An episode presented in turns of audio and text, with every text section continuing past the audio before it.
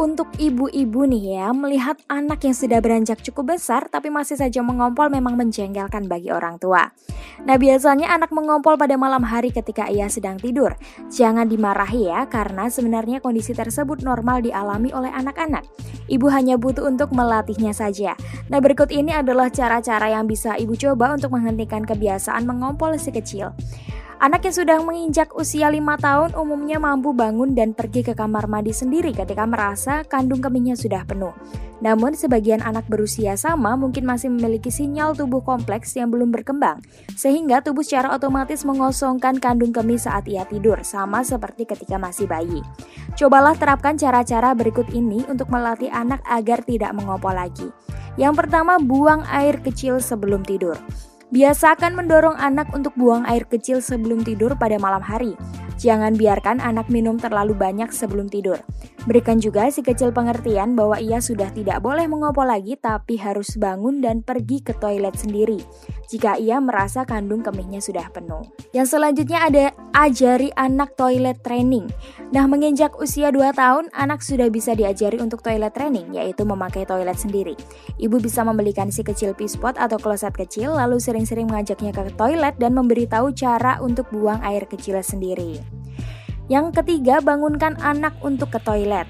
Nah, cara ini mungkin akan sedikit menyusahkan ya, tapi efektif untuk mencegah si kecil mengompol, yaitu membangunkan anak setiap 3 atau 4 jam sekali setelah ia tidur untuk buang air kecil.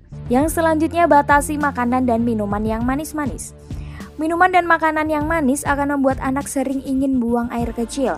Hal itu terjadi karena tubuh akan secara alami membuang zat-zat yang tidak diperlukan dalam tubuh, termasuk kadar gula yang berlebih. Karena itu, jangan memberi anak banyak mengonsumsi makanan yang manis.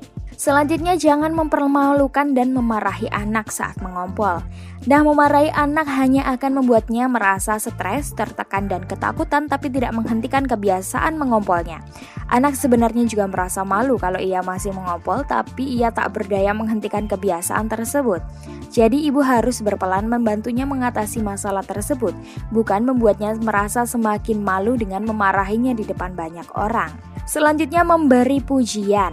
Jika si kecil berhasil tidak mengompol pada malam hari, berikan pujian kepadanya. Atau ibu juga bisa memberikan hadiah kecil kepadanya. Dengan demikian, si kecil akan merasa bangga dan berusaha untuk tidak mengompol lagi. Tips selanjutnya, gunakan perlak.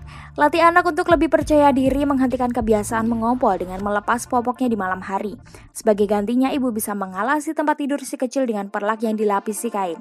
Walaupun dengan cara ini anak masih bisa mengompol, tapi anak akan tersadar bahwa ia tidak mengenakan popok lagi yang secara tidak langsung juga mengingatkan dia untuk tidak mengompol. Yang terakhir, ajarkan anak untuk melapor saat ingin kencing. Ajarkan anak untuk tidak langsung pipis di popoknya, tapi melapor kepada ibu ketika ingin kencing. Dengan demikian anak mulai belajar menahan kencing sampai ibu mengajaknya untuk ke toilet. Itu tadi ya bunda-bunda, ibu-ibu di luar, eh, bagaimana cara mengatasi tips anak mengobal gak usah pusing. Langsung aja dengerin podcast Memes yang ini tadi ya. Semoga informasinya membantu dan sampai jumpa di podcast selanjutnya.